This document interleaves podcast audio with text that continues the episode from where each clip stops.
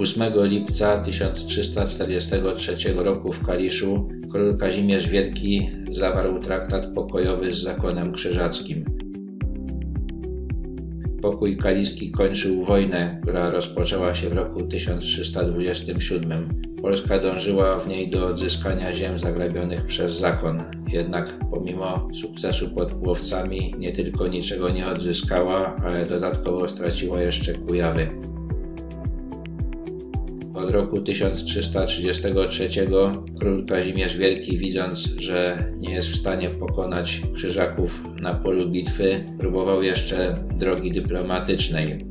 Na zjeździe w Wyszehradzie w roku 1335 królowie Czech i Węgier przyznali jednak Pomorze Gdańskie i ziemię chełmińską zakonowi, polecając mu jedynie zwrócić Kujawy i ziemię dobrzyńską. Królowi udało się jeszcze postawić zakon przed sądem papieskim.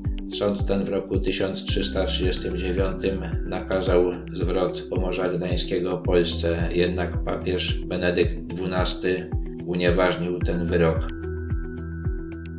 W tej sytuacji Kazimierz zdecydował się nadać Pomorze Gdańskie i ziemię chełmicką zakonowi jako darowiznę, przyjmując zwrot Kujaw i ziemi dobrzyńskiej.